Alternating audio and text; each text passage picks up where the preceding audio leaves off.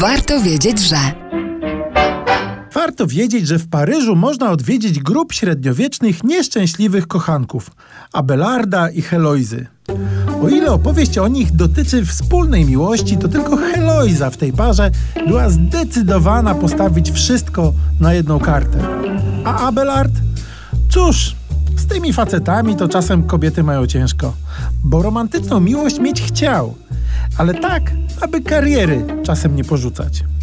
Piotr Abelard urodził się w Bretanii w 1079 roku. Zakochany w filozofii i teologii, studiował, przyjmując niższe święcenia, które nie czyniły go jeszcze kapłanem.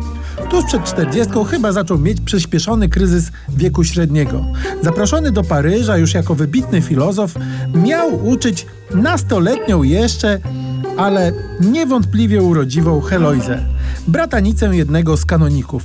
I cóż, Abelard ją tak uczył, że Heloiza okazała się być wkrótce w stanie błogosławionym. Abelard wysłał ją do Bretanii. Ona urodziła syna i była gotowa rzucić wszystko dla miłości. Żyć nawet bez ślubu. Abelard z kolei chciał legalizacji związku z jednej strony, ale takiej potajemnej, aby jako kawaler mógł nadal publicznie nauczać. Dla rodziny Heloizy całe zamieszanie było nie do przyjęcia. Wychodziło na to, że nauczyciel uwiódł młodą uczennicę i jeszcze wzbraniał się przed orzenkiem.